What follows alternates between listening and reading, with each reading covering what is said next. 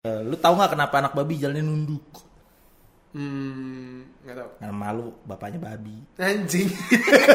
babi bukan anjing. Iya, babi.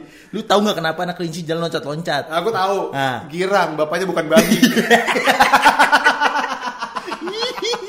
Yeay. Anjir, Billy browsing bangsat. eh, jangan browsing weh. eh, biarin, biar ada konten. Ye, daripada basi. Ya udah. Hmm, tukang jualan apa yang salah? Oh, aku tahu nih gue pernah denger tukang bajigur. Air butak dijual. Salah. Apaan? Eh, kang ketoprak. Kenapa? Ngulak di piring. Iya. Ini sebenarnya itu jawabannya yang bener, cuman gua nggak mau kalah aja. Tukang-tukang apa yang nggak bisa ngitung? Kang foto. Ngapa? Tiga kali empat dua puluh lima ribu. Iya bener.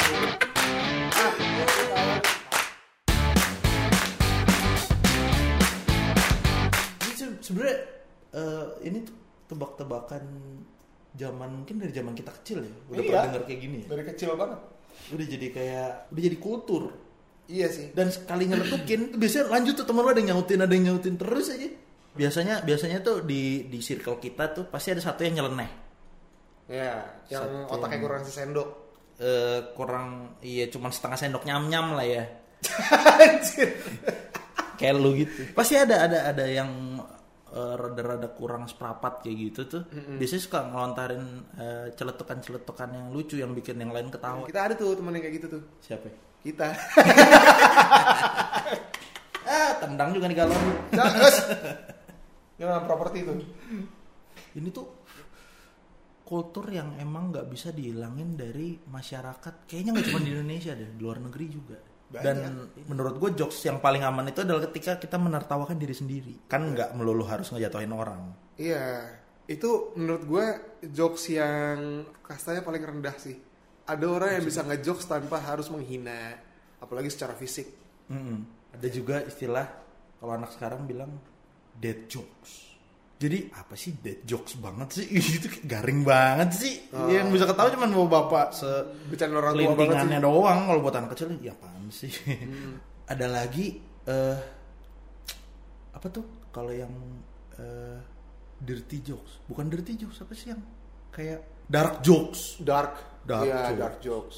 udah banyak beberapa kali kejadian ya gue nggak ngerti dia eh, bikin lelucon tapi menyinggung soal agama dan di negara kita itu kan salah satu yang sensitif emang kayak gitu-gituan ya Yes, betul. kayak banget. misalnya eh, lu mau duit 10 juta nggak tapi lu buka puasa lu makan pizza oh iya, gue tuh. wah tuh Itu parah sih ngaco sih. ngaco Lu buat lu dapat bercandain lawan Tuhan kalau gue bilang itu mah dapat views ngejar itu doang, ngejar viral. buat seorang youtuber yang subscribernya udah jutaan kalau nggak salah ya Gue nggak, gue nggak Ribuan, paham deh. Gue ratusan ribu udah, apa udah jutaan disrespect banget sama dia. itu ah lu jangan kayak gitu lah men Iya. lu kayak nggak bisa bercanda yang baik-baik gitu Ya, ya, mudah-mudahan dia bisa perbaiki dirinya lah. Iya. Itu viral tuh di Instagram tuh ramai itu dibicarain. Ramai, Awalnya ramai. gue nggak tahu, Gua- gua sampai gue liat, cari gua tahu. Wah, gue sih janganlah, jangan kayak gitulah. Iya, gini loh, kita tuh memang di kondisi sekarang yang medsos sudah makin merajalela di mana-mana, orang udah pada bikin konten, kita Ya kita harus gampang bikin lah dapet akses. harus harus enggak, kita harus bikin konten yang sekreatif mungkin, harus berbeda dengan yang lain, tapi ya tolong diperhatiin jangan sampai menyinggung akhirnya. Iya iya, karena sensitif. Mungkin kita dituntut ya zaman sekarang untuk jadi kreatif ya. Tapi Sebenarnya harus dari dulu bo ya jangan rasis atau dipikirin lagi deh. Lu misalnya punya konsep nih, Hmm. lu tulis aja dulu. Ini kira-kira menyinggung s- eh, satu golongan apa enggak ya? Itu kan ada baiknya ya. Sebelum Hmm, Kecuali lu mau lempar. against the world gitu.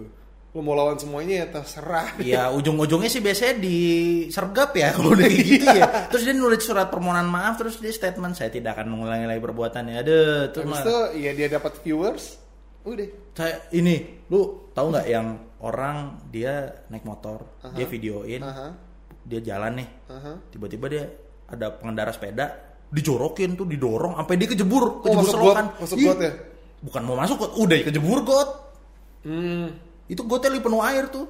iya iya iya. Wah tuh sadis banget sih. Kesel gua. Gue Iya, liat tuh. Asli kesel banget Nggak- gua nggak ngeliatnya. gitu juga kalau lu bikin bercandaan sih. Ya, tapi eh, dengar-dengar sih udah ditindaklanjuti ya. Udah dia udah ketahuan, udah ketangkep dan dia udah eh, komunikasi juga sama keluarga korbannya permohon- eh, minta permohonan maaf apa segala macam gue nggak tahu deh Hmm. tapi ya nggak harus sekasar itu juga lah untuk eh, bikin orang lain tertawa lah. atau lu dapat konten lah dari situ Jadi gini, mungkin sekarang kita dapat hiburan dari Hmm. YouTube, dari Twitter, dari Instagram apa segala macam. Tapi sebelum ada itu semua, Hmm. bahkan podcast ya, sebelum ada itu semua, kita ini ngobrol tatap muka, face to Iya. face. iya Dan mau nggak mau kita harus bikin konten di saat itu juga bahan untuk obrolan lah nyambungin obrolan bahan obrolan kita, Ah. supaya itu hidup, gitu Hidup, loh, ah. ya kan? ya kan lu lu eh, di ilmu komunikasi kan lu punya pengalaman nih lu pernah sekolah di ya nggak sih Iya, kuliah lu iya. bidang Ikom gua, ilmu komunikasi. kokom Hah? Kenapa? nah ada nggak sih itu kan kalau nggak salah itu menyangkut psikologi juga ya nggak sih nggak ya sedikit banyak sih memang ya kemampuan lu berkomunikasi itu sebenarnya terbentuk dari orang-orang sekeliling lu Hmm. membuat lu itu dengan mudahnya dengan nyamannya untuk speak up atau tidak Hmm. misalnya gini nih dari zaman lu kecil orang tua lu membiasakan kesehariannya banyak bertanya tentang pendapat lo atau enggak Hmm. misalnya eh, misalnya nih bokap atau nyokap nih Hmm. Mas, kita bulan ini mau liburan, enaknya kemana ya? Hmm. Hmm. Nah, si anak ini kan akan berusaha untuk memberitahukan pandangan dirinya, keinginannya dia. Hmm, Akhirnya dia ditanya. Hmm. bisa ngomong sesuatu gitu loh. Kalau dari kecil dia tidak dibiasakan oleh orang tuanya untuk speak up, pas dewasanya dia akan kesulitan untuk berkomunikasi dengan orang. Hmm, jadi kebebasan berpendapat ya mungkin nih Mungkin mungkin bisa bisa. itu kan berat banget tuh kayak kebebasan berpendapat tuh ya kan Iya. tapi paling enggak udah udah terbiasa mengutarakan opininya betul. dari kecil Betul. gitu kan maksudnya. Terus eh, dia juga punya lingkungan yang mendukung dia untuk berkembang. Dalam artian dia tidak didikte, tidak banyak didikte, tapi banyak diberikan kebebasan supaya dia itu bisa menentukan langkahnya dia sendiri. Orang-orang yang diberikan kebebasan seperti itu, dia akan cenderung lebih kreatif, nah sih lebih kreatif. Dan dia tuh lebih kreatif atas dorongan dirinya sendiri, bukan karena tuntutan orang, hmm iya iya iya. jadi bukan karena dipaksa lingkungan gitu ya bukan karena dipaksa lingkungan, karena dipersilahkan oleh lingkungannya. jadi didikan orang tua atau dari dalam rumah itu sedikit Wah. banyak berpengaruh ya Benar, benar, gitu loh. Nah, lu setuju nggak sih dengan dengan dengan kita bikin podcast gini atau orang-orang bikin podcast itu sedikit banyak itu eh, membantu atau banyak yang bisa dipelajari dari situ tentang ilmu komunikasi itu sendiri, bener gak sih? Bener, bener banget. Jadi gini, awal-awal nih di podcast podcast kita sebelumnya, awal-awal tuh, Asik udah banyak ya. iya. Jadi awal-awal episode kita tuh, gue tuh masih mikirnya gini, anjir gue mau ngomong apa lagi nih? Gue mau ngomong apa lagi nih? Ya kan? Meskipun ya, gue udah terbiasa ngomong di depan orang banyak, misalnya di depan karyawan-karyawan gue kalau gue Public lagi ngasih, speaking. Mm. ya ngasih briefing atau apa, gue Sering- biasa ngasih training. Sering disetrap ya. Ngomong depan kelas. Iya. Tapi ketika gue bikin podcast, Hmm. gue sadar nih penikmatnya, pendengarnya, gue nggak bisa prediksi apa latar belakang mereka. Gue nggak bisa prediksi eh, frame of reference mereka apa, Hmm. gitu loh. Jadi gue harus berbicara sesuatu yang lebih general, yang mungkin akan bisa lebih dimengerti. Gue mesti belajar banyak tuh. Ibaratnya gini men, Karena gue Eh, kuliah jurusan sastra mesin waktu itu nggak diajarin sih.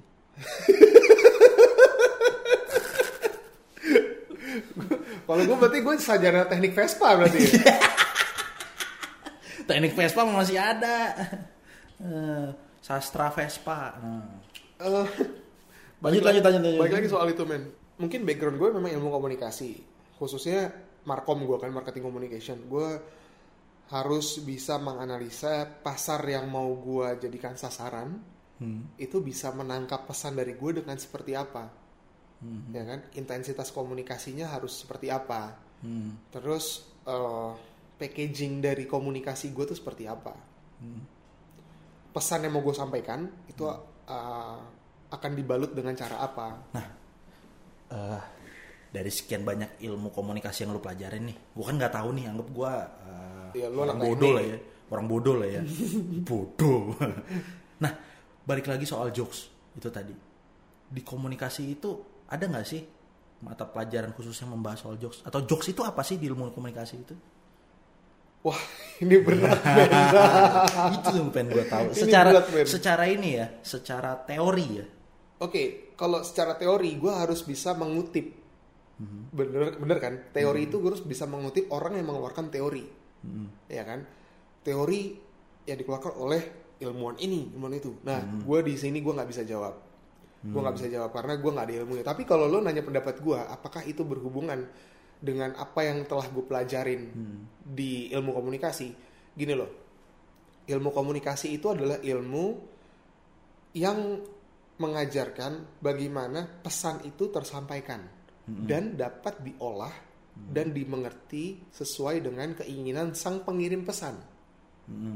Misalnya gue sebagai sender, gue sebagai decoder, decoder pesan yang ditransmisikan adalah si pesannya kepada encoder orang yang mengartikan si pesan tersebut penerima pesan penerima pesan. Gue harus meminimalisir margin of errornya dengan cara apa? Dengan menyesuaikan metode yang gue lakukan untuk menyampaikan pesan tersebut. Bisa dipahami nggak sampai sini? asli enggak Berarti gue nggak jago nih untuk komunikasi sama Iya. si monyet ini. Gini men, gini, gini. Oke, misalnya gue mau ngomong sama lu nih, hmm gue harus pakai bahasa-bahasa yang mudah lu mengerti, iya itu benar Iya kan? Soalnya gue bolot Ah, Hmm. misalnya gue mau ini bukan jokes Oke, oke, oke. Ini ini keren nih, bangsat. gue harus ngomong. keluar juga kata-kata mutiaranya bangsat Jadi simpelnya gitu. Gua harus bisa membuat pesan yang gue sampaikan ke lu itu tailor made berdasarkan diri lu, hmm bukan berdasarkan diri gua. Iya. Karena gue menyesuaikan dengan siapa lawan bicara gua. ya Ketika lawan bicara gua ini orangnya serius, gua kan serius terus. Tapi ketika orang yang menjadi lawan bicara gua ini bleek, ngehe kayak lu, iya kan? Gue harus menyesuaikan bahasa gue. Dan dan jokes itu akan membantu proses komunikasinya supaya mudah dimengerti. oh jadi jadi inilah ya jadi Karena gini. slow Jadi selalu, jadi gini, kita harus melihat juga kondisi psikologis Lawan bicara. lawan bicara, Nah, siap. ya kan? Kalau dia lagi ngambek, lagi cembetut, ya kan? Hmm. Kita mau ngomong sesuatu juga segan. Iya, lagi putus cinta lu bercandain digaplok Iya, misalnya orangnya lagi netral-netral aja gitu kan. Eh, Terus digas nggak jalan lu. iya, digas gak jalan. Masukin gigi dulu. Brrrr, motor bebek brrrr, begitu terus mau bodi. PA, eh. Nah, ini ini jokes. oh ah, iya iya bener. Memang untuk bicara sama orang yang daya tangkapnya seperti Billy butuh waktu karena harus diselingi dengan jokes-jokes sampai dia bisa ngerti. Nah, eh, kalau gue serius terus pesan yang gue gue sampaikan ke lu nggak bakal nyampe dengan sempurna. Tai emang. Kesel gue. Nah itu. Iya. Jadi cukup jelas ya teman-teman. Iya sebagai pokoknya gue sebagai pemberi pesan, penyampai pesan tuh harus sabar-sabar ngadepin encoder model kayak lu. Tapi lu butuh gua kan. Butuh banget nyam nyam Nyam. Jijik banget, gue kayak nggak mau dengerin nggak mau dengerin hasil hasil rekaman ini deh. Asli gue nggak mau dengerin episodenya. Ya, udahan aja yuk, men, yuk. Gue mau dengerin. deh. Capek gue ngomong sama lu. Capek, asli.